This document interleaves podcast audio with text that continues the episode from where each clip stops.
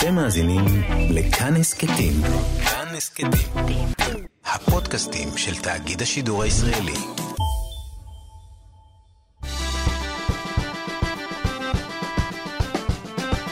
מה שקורה עם שירי לב-ארי.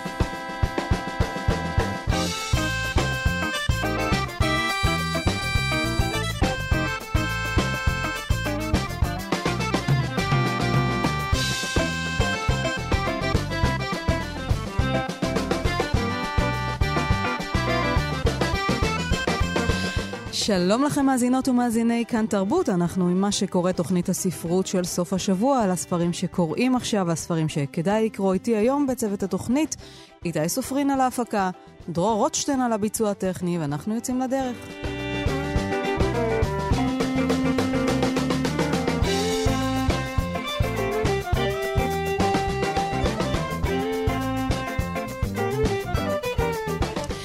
היום בתוכנית נדבר על האמת המפתיעה של בעלי החיים, מיתוסים, אמיתות ותובנות משחר ההיסטוריה ועד ימינו. כתבה אותו לוסי קוק, זה ספר אה, מאוד מצליח שתורגם לאחרונה לעברית.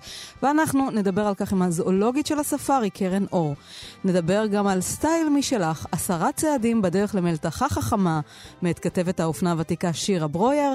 נדבר גם על שנה למותו של עמוס עוז וכנס שהתקיים השבוע לכבודו בשטוקהולם. ולסיום, אירוע לזכר המשורר חזי לסקלי. כל זאת uh, בתוכנית היום. אבל לפני כן, רשימות uh, רבי המכר, מבט חטוף כבכל שבוע. ברשימת רבי המכר של סטימצקי אפשר לראות הרבה מאוד uh, ספרים חדשים, רובם ספרי מתח מתורגמים. המתח הולך וגובר. את הרשימה הזאת uh, פותח זמן עבר של לי צ'יילד, ואחריו המטופלת השקטה של אלכס מיכאלידס. Uh, עוד ברשימה בתחום המתח, חדשים, זה ברית דמים של ברד טור. ברד טור הוא מחבר uh, רבי מכר מותחנים, ממש לוהט עכשיו באמריקה. הספרים שלו נמצאים ברשימות רבי המכר של הניו יורק טיימס שבועות ארוכים. אז הספר הזה, ברית דמים, מתרחש באירופה, דיפלומטים זרים נמצאים על הכוונת של ארגון סודי וקטלני. ובארצות הברית פועל סוכן חשאי בחלונות הגבוהים ביותר.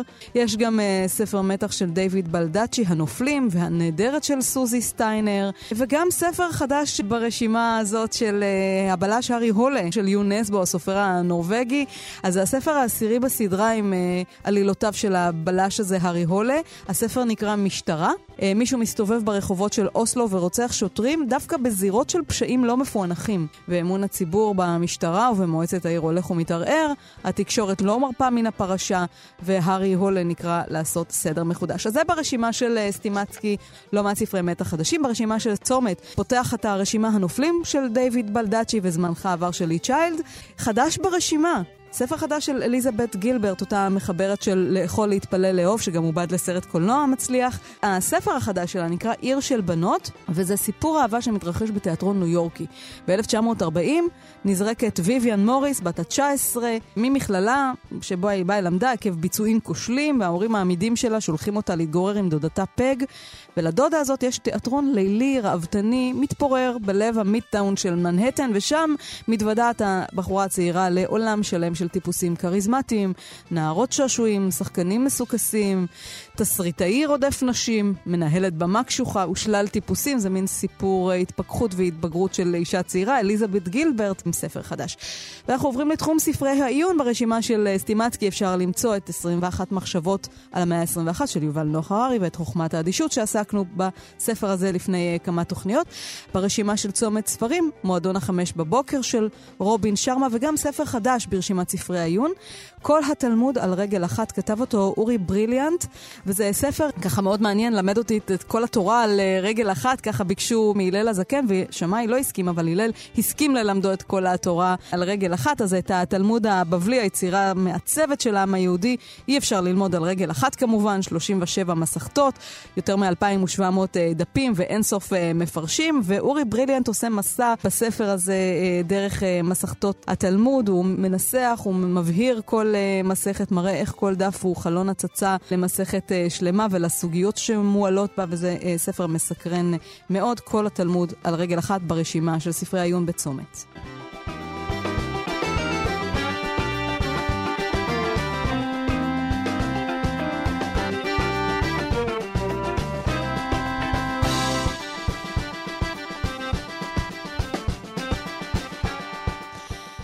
המחלוקת העתיקה ביותר לגבי הביולוגיה של העצלן היא אולי אף אינטימית יותר. היא נוגעת למנהגים המשונים של ריקון המעיים אצל העצלן. לאוכל האלים, חובב הפתלה, יש בדרך כלל הרגל מבלבל למדי. הוא יורד כל הדרך מהעץ עד הקרקע כדי לעשות את צרכיו. מדובר בעניין ממושך ומתוכס בקפידה. העצלן מחבק את בסיס העץ ומחשקש בעכוזו על הקרקע, וכך חופר במסודר בזנבו העבה והקצר בור שבו הוא מטיל את גלליו. לאחר מעשה, העצלן בדרך כלל מרחרח היטב ואז מכסה את פרי עמלו במסודר בעלים ויוצא לדרך הארוכה הביתה. חמישה או שמונה ימים לאחר מכן, הוא חוזר שוב על אותו הנוהל. אז אלה הרגלי עשיית הצרכים של העצלן, שהוא לא איש עצלן, אלא יונק, חי על אה, צמרות העצים, פרוותי, איטי מאוד, וזה חלק מהספר האמת המפתיעה על בעלי החיים, מיתוסים, אמיתות ותובנות, משחר ההיסטוריה ועד ימינו שכתבה לוסי קוק, תורגם לאחרונה לעברית אה, בידי אמיר צוקרמן ויצא לאור בהוצאת מודן, ואנחנו עכשיו נאמר שלום לזואולוגית של הספארי, קרן אור. שלום. לוסי קוק כותבת בספר הזה, קרן, שבעלי החיים לא מגלים בקלות את הסודות שלהם, וחלק גדול מהזואולוגיה הוא ניחושים מלומדים. והיא ככה סוקרת ספרים בתחום הזואולוגיה, ממש מימי הביניים של מלומדים, שקצת המציאו דברים על בעלי חיים ואפילו הדביקו להם סטיגמות שליליות, ועד uh, באמת מחקרים מדעיים שמלמדים אותנו על uh, בעלי החיים היום. אז באמת יש פער בין המיתוסים לבין בעלי החיים עצמם ביום-יום שלהם. אה, בהחלט, היה פער מאוד גדול בין מה שפעם חשבו על בעלי חיים ו... ומה שהיום אנחנו יודעים. אני חושבת שזה אך uh, טבעי. בואו נחשוב רגע על uh, זואולוג לפני uh, 300 שנה, 200 שנה. לא היה national geographic, אנשים uh, יצאו למסעות uh, של uh, חודשים, אם לא שנים, באוניות, כמו שאנחנו מכירים, מכירים את המסע המפורסם של דרווין על הביגל. אנשים היו צריכים לנסוע, את יודעת, למסעות כאלה כן. של כדי להראות בכלל את החיות האלה. אף אחד לא ידע איך נראה היפופוטם, יש שם תיאור בספר על... חד קרן זה נראה להם מין חיה כן סבירה שתהיה, אבל היפופוטם זה היה נורא נורא מסתורי. את זה לא ראו אף פעם. כן, זה היה סוג של מפלצת... אה, אנשים תמיד יש גם, את יודעת, מין אה, נטייה כזאת קצת להגזמה ולכיוון המפחיד, המסתורי, וה... אז זה קצת אה, ככה כן. הולך לפעמים לכיוונים האלה. כתוב שם גם למשל שהרוזן דה בופון, ש... מופיע שם שוב ושוב ושוב, שכתב אנציקלופדיה שלמה על בעלי החיים, מבלי לראות את, אה, או 99% מהם כן. כנראה. הייתה לו דרך אה, איך לאמת בצורה מדעית, צריך כמובן לאמת את המידע ולא סתם לכתוב כל דבר שמזדמן אליך. כן. אז אם, היו, אם הוא היה מקבל את אותו מידע או את אותו תיאור דומה מ-14 מקורות של אנשים שיצאו לכל מיני משלחות וביקרו במקומות רחוקים ותיארו את אותו דבר, הוא היה מתייחס לזה כאל אמת. כן, אמת מדעית. ואנחנו יודעים, כן, בספר הזה היא כותבת אנחנו... איך, איך סיפור בעצם מתגלגל, מאיזה כתב יד מצרי עתיק לסיפור אה, מיתולוגי נכון. שמתגלגל כמעט... ואי אפשר לשפוט את זה היום, כי זה לא רלוונטי, אין טעם לשפוט את זה היום במונחים שלנו. אה, הסופרת היא, היא מאוד משעשעת והיא גם קצת אירונית, מתייחסת באירוניה לדברים האלה. למשל, היא מספרת על ספרי מחקר קדומים, את uh, הזכרת עכשיו את דה בופון ואחרים, נזירים, שכתבו ספרים uh, על uh, בעלי חיים, והם קצת המציאו אגדות על בעלי חיים כדי להכניס להם כללי מוסר. למשל, הבונה שקוצץ את השכב ומוסר אותם uh, לצייד כדי להציל את עצמו, אבל במקור, כן. במקור זה מעשייה על איזה עונש שבא לחיה הזאת, uh, כן, קיצוץ האשכים, הסירוס הזה, בעקבות השתעבדות ליצר המיני. זאת אומרת, זה מתחיל מאיזה משהו, כזה מעשיית מוסר שמולבשת על בעל חיים, ופתאום זה הופך לאיזה מיתוס uh, כאילו מדעי. נכון, אנחנו צריכים לזכור שאז הדת הייתה, היה לה מקום הרבה הרבה יותר מרכזי בחיים של האנשים ובתרבות. אה, וכולם למעשה היו אה, אנשים אה, מאמינים, רובם. ובאמת, זה לא היה מנותק, הטבע, חקר הטבע, הזואולוגיה לא הייתה מנותקת מהערכים של הדת. וכמו שעצלן קיבל את שמו על שם אחד החטאים בנצרות. אה, ועוד אה, ועוד היא מגנה על העצלן מאוד, מיני. אמרנו שהוא יונק שחי כן. על צמרות עצים, הוא פרוותי, הוא נורא נורא איטי, הוא מתקדם כמו באיזה slow motion כזה נכון. בחיים. אז היא שואלת, איך, איך הוא שורד? איך בעל חיים כזה בכלל יכול לשרוד? הטבע עושה איתו חסד. הטבע לא עושה עם אף אחד חסד. אוקיי. באבולוציה, תמיד אנחנו אומרים survival of the fittest, הישרדות, לא החזק שורד. אתה לא צריך להיות חזק בשביל לשרוד, אתה רק צריך להיות מספיק מתאים. אתה צריך להיות מספיק. ועצלן מתאים. אם אתה שורד, סימן שאתה מספיק. אם כן. לא היית מספיק מתאים לאזור שלך, לתנאים שיש כרגע, אתה לא תשרוד. מספיק שתהיה, אתה לא צריך להיות יותר טוב מכולם, ולא הכי חזק, ולא הכי חכם, ולא הכי אה, לא יודעת מה. מספיק שתצליח לשרוד, זה הכל. ועצלן שרד יפה מאוד כבר המון המון שנים. עד עצם היום הזה, ונאחל לו עוד שנים רבות של שרידות וכיף. כן. אה, זו חיה מאוד מאוד מאוד מגניבה ומעניינת. כן, היא מאוד... סבלה הכפשות באמת מפה ועד הודעה חדשה ללא... ללא רחם, מה שנקרא.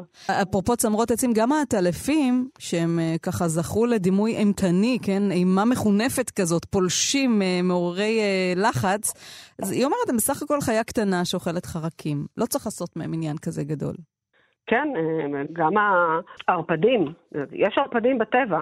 כשאנחנו חושבים על ערפדים, אנחנו, אני, יש לנו בראש איזה מין דימוי, ערפד הוא בערך בגודל של חמישה סנטימטר, הוא חיה פצפונת, פצפונת פצפונת שניזונה אמנם מדם של יונקים, אבל אימתנית, מפחידה ונוראית היא לא.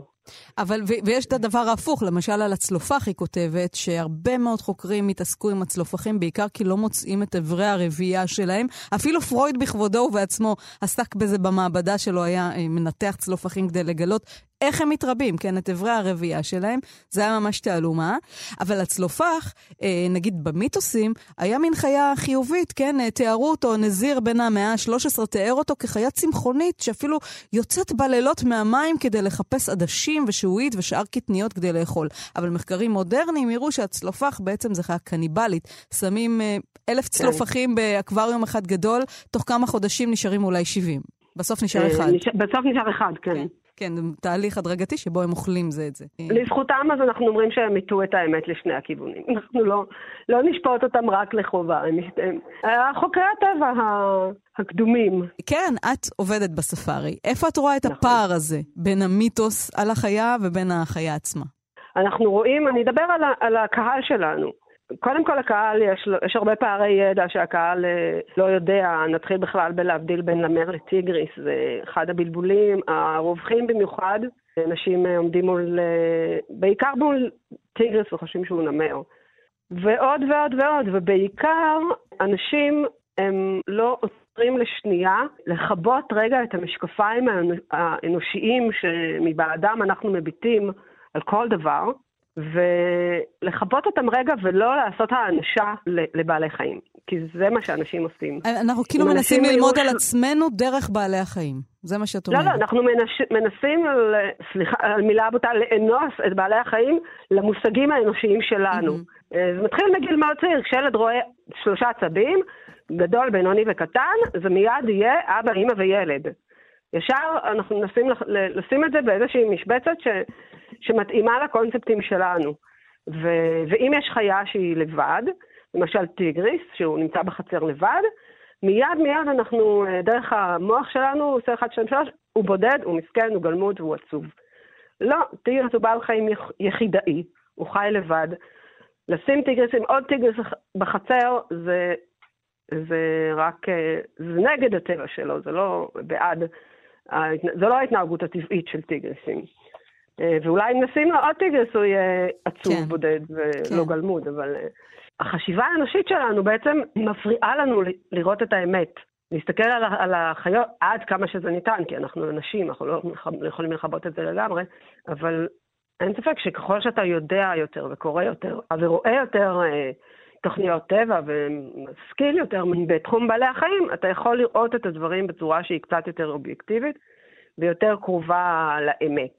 היא כותבת uh, בספר uh, על הקרפדה, למשל, שפעם היא הייתה ערכה לבדיקת הריון. הקרפדה כן, עצמה. כן, זה, לא עד, זה לא עד כדי כך מזמן, כן? היו משתמשים בקרפדות. הזריקו להן uh, שתן של אישה, ואם האישה הרה, אז הקרפדה פולטת החוצה ביצים.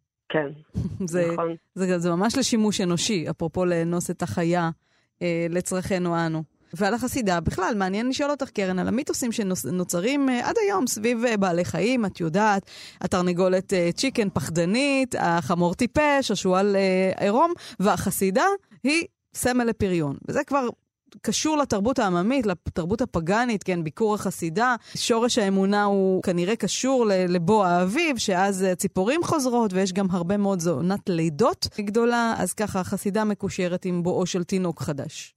כן, נכון. כן, החסידות הן אה, נודדות. כל הסיפור הזה של נדידה הוא בכלל אה, סיפור מאוד אה, מעניין ומרתק. פעם אנשים לא ידעו שהחסידה, למשל, נודדת. אנשים שחיו באירופה, החסידות היו מבלות אצלם בקיץ.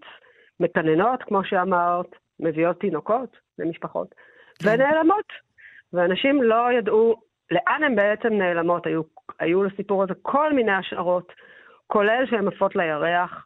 צנוניות למשל חשבו שהן אה, ישנות בתחתית האגם.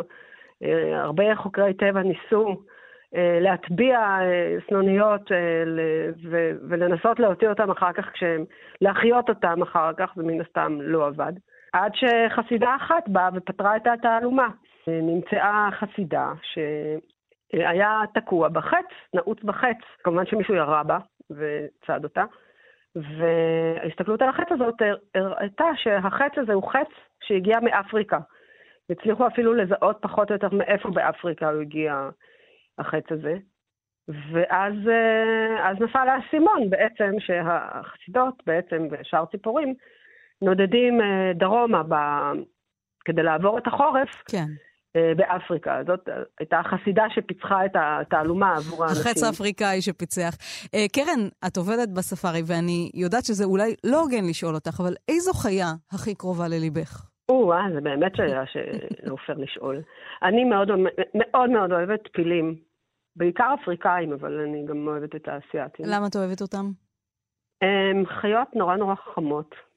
הן חיות חברתיות, אז אה, אפשר להסתכל על היחסים ביניהם. הפיל הוא חיה מאוד מאוד חכמה, יש לו יכולות אה, שיש, אה, שהיום אנחנו חושבים שיש למספר די קטן של אנשים, למשל כמו לזהות את עצמך במראה, שזה משהו שרוב כלב למשל לא יודע לעשות את זה. אבל פילים יכולים, כשהם מביטים במראה, הם מזהים את עצמם, שזה די ייחודי וזה מעיד על אה, יכולות קוגניטיביות אה, גבוהות מאוד. פילים זה חברה שהיא חברה נשית. מטריארכלית.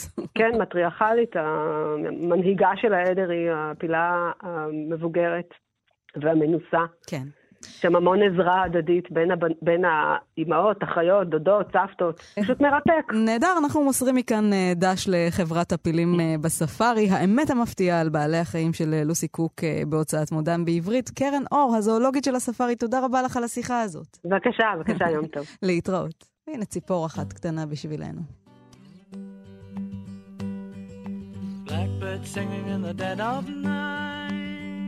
מה שקורה עם שירי לב-ארי. ואנחנו חוזרים עם ענייני אופנה. סטייל משלך, עשרה צעדים בדרך למלתחה החכמה. עשרה צעדים שמתוארים בספר הם צעדים אל עצמך, כך נכתב על uh, עטיפת הספר. באמצעותך תזכי להבנה מחודשת של גופך ושל מה שמתאים לו, של סגנון החיים שלך ודרישות המקצוע, של ההשראות והשאיפות שלך. אז הספר הזה של uh, שירה ברויר, כתבת האופנה המיתולוגית של חדשות והארץ, יוצא עכשיו uh, לאור בהוצאת אחוזת בית, ושירה חולקת את התובנות שלהן הגיעה אחרי שנים, שנים, שנים של uh, סיקור uh, תעשיית האופנה. שלום שירה ברויר. שלום. מה שלומך? בסדר, תודה רבה. אז אה, פריטי הלבוש בארון, אני רואה אותם כאיזה סוג של רסיסי אישיות, כן? ערב רב של קולות וזהויות וחשקים וזיכרונות, אבל מישהו או משהו צריך לעשות בהם סדר, איזה ארגון, אינטגרציה אולי, בניית נרטיב, והספר שלך מנסה קצת לעשות את זה. נכון. לאורך השנים באמת התגבשה אצלי איזו תחושה שאנחנו חיים בכאוס אה, גם, גם בתחום הזה. הרגשתי שחסרה תשתית, שאנשים שנולד, נשים וגם גברים כמובן, ש, שנולדים לארץ אה, בתקופות, נגיד בעשורים האחרונים, הם אה, נולדים למציאות מסוימת שהיא מאוד מורכבת, מאוד משתנה, ולפחות במה שנוגע לסגנון חיים, לייפסטייל, קודים של לבוש, גם קודים של התנהגות כמובן, אבל אני אתרכז בתחום שלי, שחסרה תשתית, חסר בסיס, חסר ידע, אה, לעומת מקומות אחרים, כמו נגיד לצורך העניין איטליה או צרפת או ספרד, אנשים נולדים לתוך איזשהו... איזשהו... קודים אולי. כן, איזשהו סדר קיים, ואז הם יכולים, קודם כל הם מודעים לו, אפילו באופן תת-מודע לפעמים, הם משתלבים איתו, ואז הם יכולים לשחק איתו, הם יכולים למרוד בו, הם יכולים אה, לקחת אותו לאיזשהו מקום יותר אישי, אבל יש להם איזושהי נקודת התחלה. והרגשתי שזה מה שחסר לנו, וזה מה שבאמת ניסיתי לעשות. עכשיו... לתת איזשהו...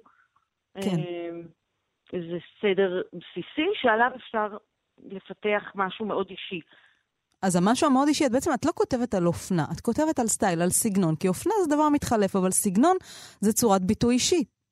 איך את אומרת, סטייל הוא אמצעי פשוט להגיד מי את. יש קשר אינטימי, יש קשר כאילו בין הפנימי, העולם הפנימי, והחיצוני, מה שאת לובשת. עוד לפני, או אתה, כן? עוד לפני שאמרת מילה, הלבוש שלך כבר מספר עלייך משהו. נכון. נכון, ואני חושבת שהרבה מאוד אנשים, בטח בתרבות שלנו ובאורח החיים שלנו ועם המורשת שלנו, לא מודעים לזה. וכשהם לא מודעים לזה, נוצרים לפעמים פערים מאוד גדולים. זאת אומרת, אישיות מאוד מפותחת ואיזושהי הזנחה חיצונית מאוד גדולה. זאת אומרת, אני לא חושבת ש... כמובן שמי שנראה טוב, אז הוא אדם טוב, או הוא מפותח יותר חלילה, משהו מהסוג הזה. מה שאני כן אומרת זה שכשאין מודעות לזה שההופעה שלנו מבטאת ומספרת עלינו משהו, אנחנו יכולים, בלי לשים לב, להזניח את זה, ואז הפער הוא, הוא קשה. אז כאילו, את, באמת הכלל הראש, הראשון הוא דעי את עצמך, זאת אומרת, תכירי את הגוף שלך, איך, איך את. ואת בהתחלה, בהתחלה, עוד לפני שאת אומרת את uh, עשרת הצעדים שלך uh, בדרך למתחה חכמה, את הולכת בדרך הוואבי סאבי היפני, ש... אם צריך להגדיר את זה בכמה מילים, זה בעצם היופי שבחוסר השלמות. כי האופנתיות אה, גורמת לנו לרצות להיות נורא נורא מושלמים בגוף שלנו, במבנה, במש, בכל פריט ופריט, וכאן יש איזה מין הליכה בדרך הזאת שאפשר לראות יופי גם בחוסר שלמות.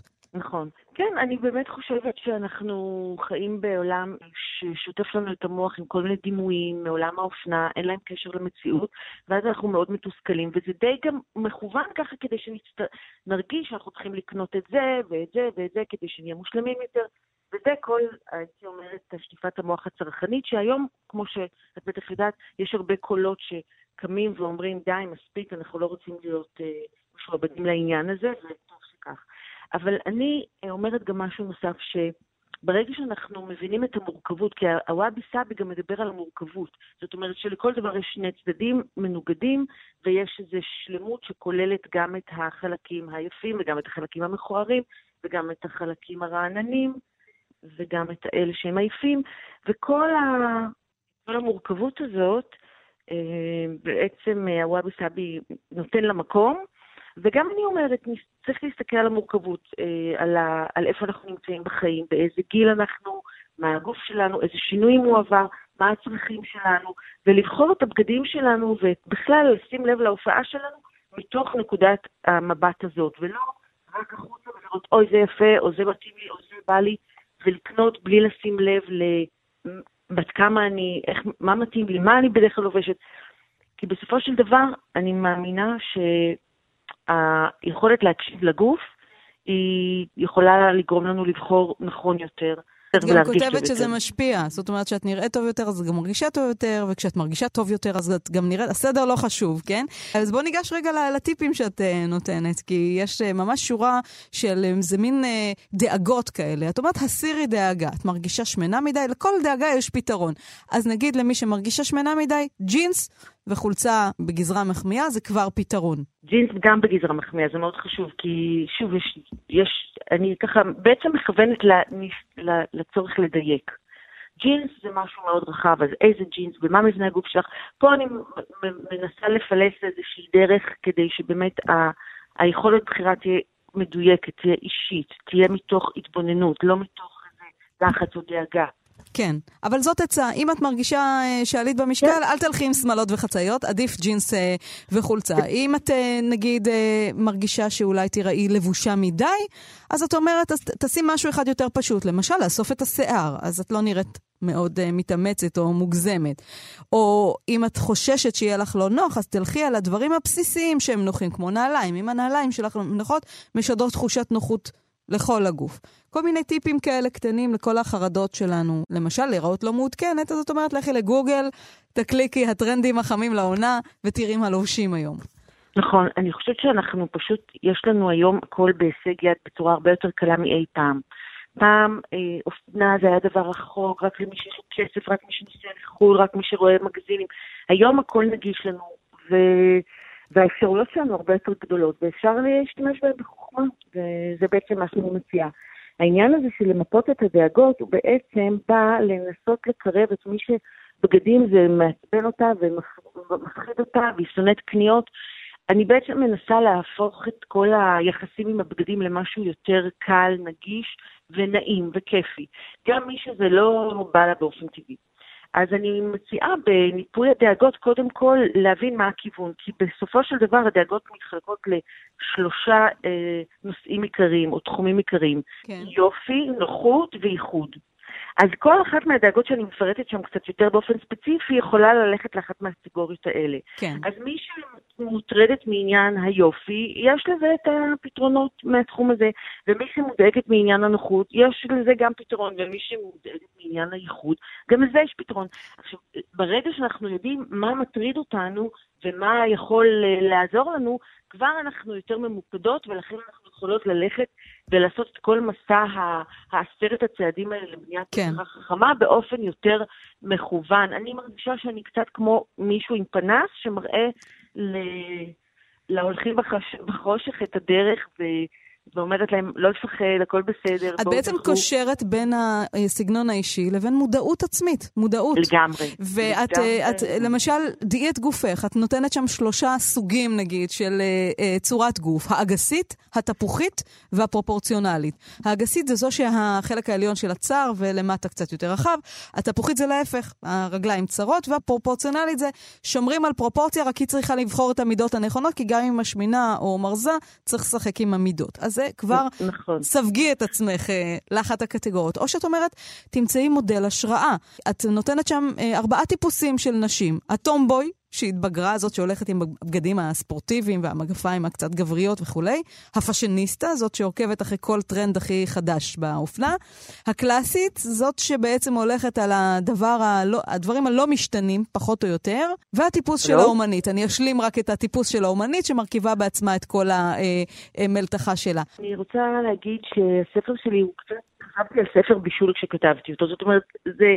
כדאי לקרוא את ההתחלה, אבל לא חייבים לקרוא את הספר הזה מההתחלה ועד הסוף, אלא אפשר לגשת אליו כל פעם כשיש משהו רלוונטי. כדאי לקרוא בסוף את כל, הכל, את כל הכללי הזהב ואת הטאצ' האחרון לפני שיוצאים מהבית. ולשים לב ברוח הכללית, איך את יכולה לקחת אותו בדרך שלה. מתאים לה. זה ספר שבנוי כמו ספר מתכונים, כן? עצות שכל אחת יכולה לאמץ לדרך המסוימת שלה ולייצר לעצמה סגנון אישי שמבוסס על מודעות עצמית, לגוף ולנפש ולאישיות. שירה ברויר, סטייל משלך, עשרה צעדים בדרך למלתחה החכמה. אה, ספר זה מלווה באיורים יפהפים של אה, ליאורה זמלמן, ערכו אותו הדר זאבי וספי שיבק, אז אה, תודה רבה לך, שירה. על השיחה הזאת. תודה רבה לך. להתראות. תודה. אבא שלי כתב ספרי מחקר. תמיד קינא בי על שאני כותב חופשי, מה שבא לי, ישר מהראש של הדף. לא חייב לעשות כל מיני מחקרים, להכיר כל מה שנכתב על הנושא וסביבתו, לבדוק מקורות, לבסס על אסמכתאות, להשוות מובאות, לספק הוכחות, לשלב הערות שוליים, שום כלום. ציפור דרור. רוצה לכתוב שמואל אהב את צילה? מותר לי. רוצה לכתוב אבל צילה אהבה את ג'ילבר? גם כן מותר לי. רוצה לכתוב, והנה ג'ילבר ושמואל בכל זאת אהבו זה את זה. מי בכלל יוכל להתווכח איתי? להפריך, או לגלות חס וחלילה מקורות חדשים שיעמידו את מה שכתבתי באור מפוקפק, אם לא למטה מזה? אני, מצידי, קצת קינאתי באבא שלי. כשהוא היה מתיישב לכתוב מאמר מדעי, כל השולחן שלו היה מכוסה תמיד בספרים פתוחים, תדפיסים, מאמרים, מקורות, מראה מקום, ליגיון שלם של כוחות עזר ושל ארטילריה מסייעת. אף פעם לא יצא לו לשבת, כמוני, מול דף חלק שמונח לו, לועג לרש, באמצע שולחן ריק, כמו פני הירח בערך. אתה והדף והייאוש, לך תעשה משהו מכלום. אגב, מדובר באותו שולחן. אחרי מות אבי, ירשתי את המכתבה שלו, שכל השנים הייתה רגילה להיות מאוכלסת קומות על קומות, כמו קלקוטה, ועכשיו היא עומדת אצלי ריקה כמו שדה התעופה בסרייבו.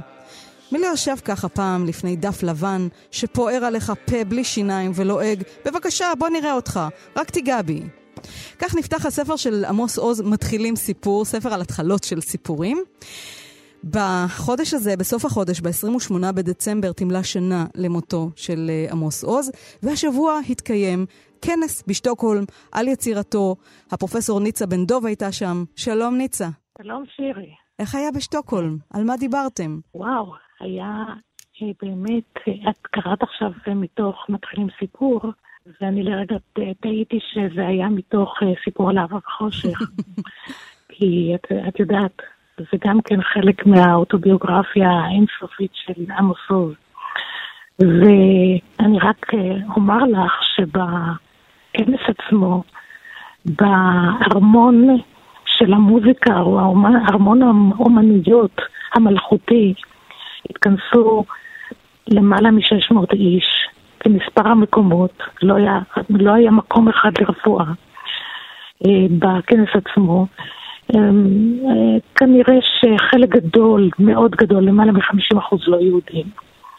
וכששאלו מי קרא את סיפור על אהבה וחושך, היה יער של ידיים. כן.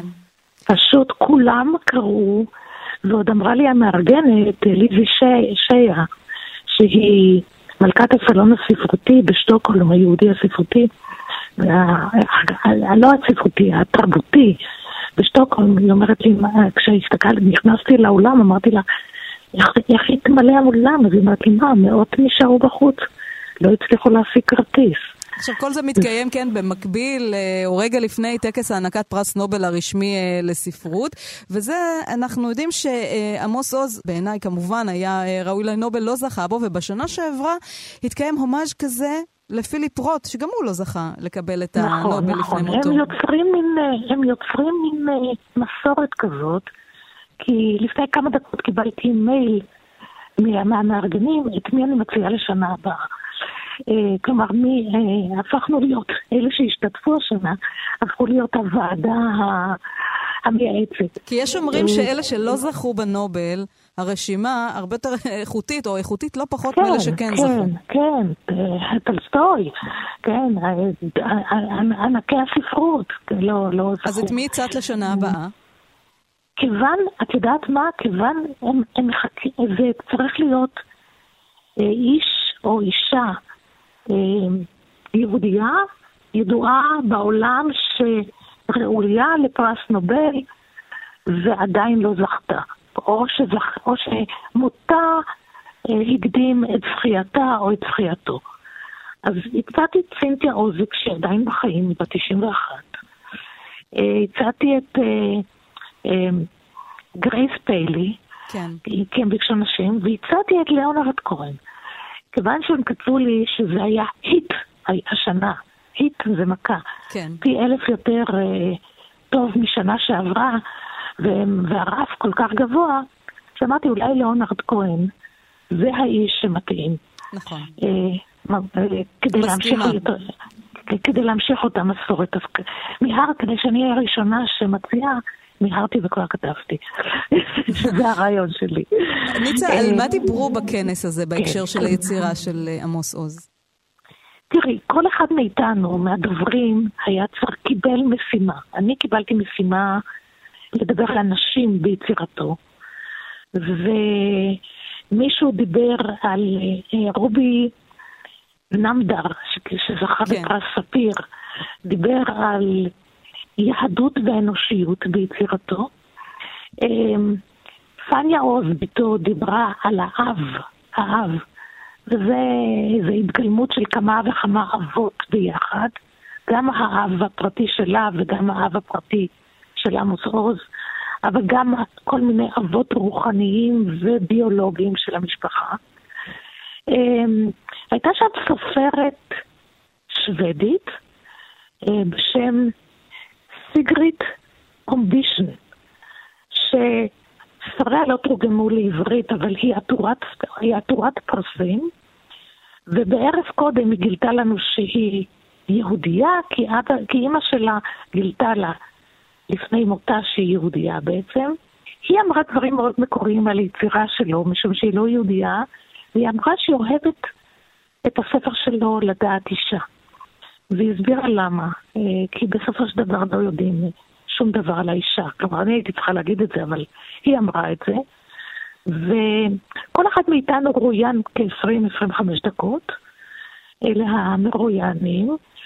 והוקרן, והוקרן הסרט של יאיר קידר על עמוס עוז שהתקבל בהתלהבות ובהתרגשות. כן. אה, ניצה, על מה את דיברת? על איזה יצירה את... אה, אני, אני דיברתי, אני דיברתי על, על ה... הראיתי כמה דוגמאות שכל הנשים שלי, הן בעצם רפליקות של אימו. והאם הגדולה הזאת, שהוא אוהב אותה ושונא אותה בו זמנית, החולה, הרומנטית, המאכזבת והמאוכזבת, מלווה את כל יצירתו, כן? כמו רימונה ב...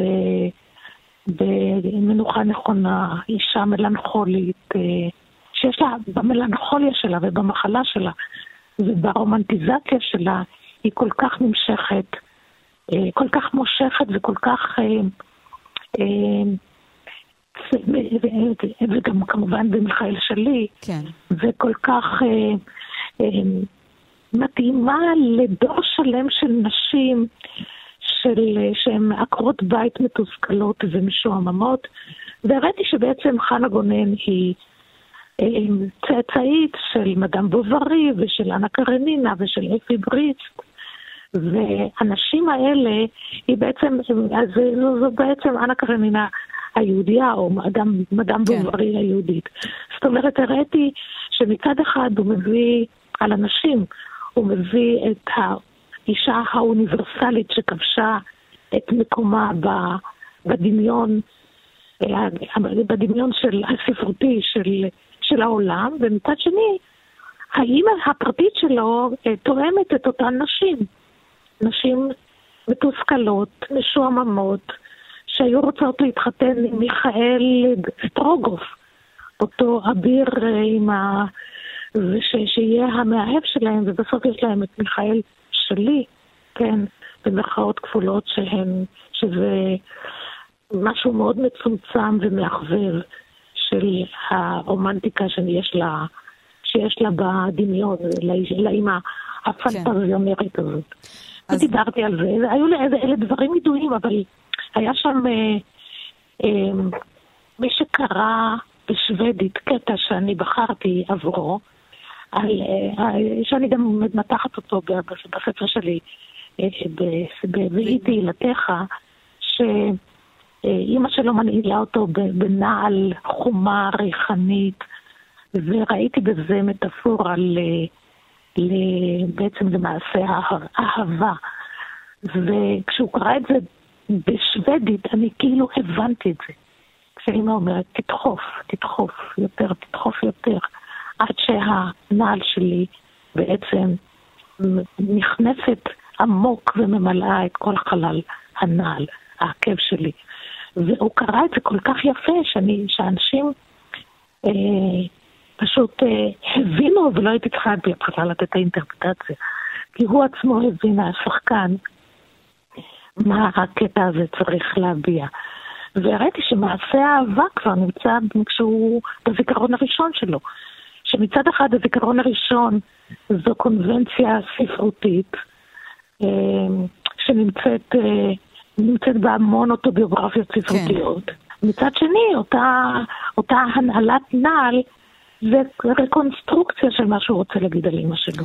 אז את דיברת באמת על הדמות של האימא בספרים על הדמות של, של האימא, וגלשנו ל... כן. ל...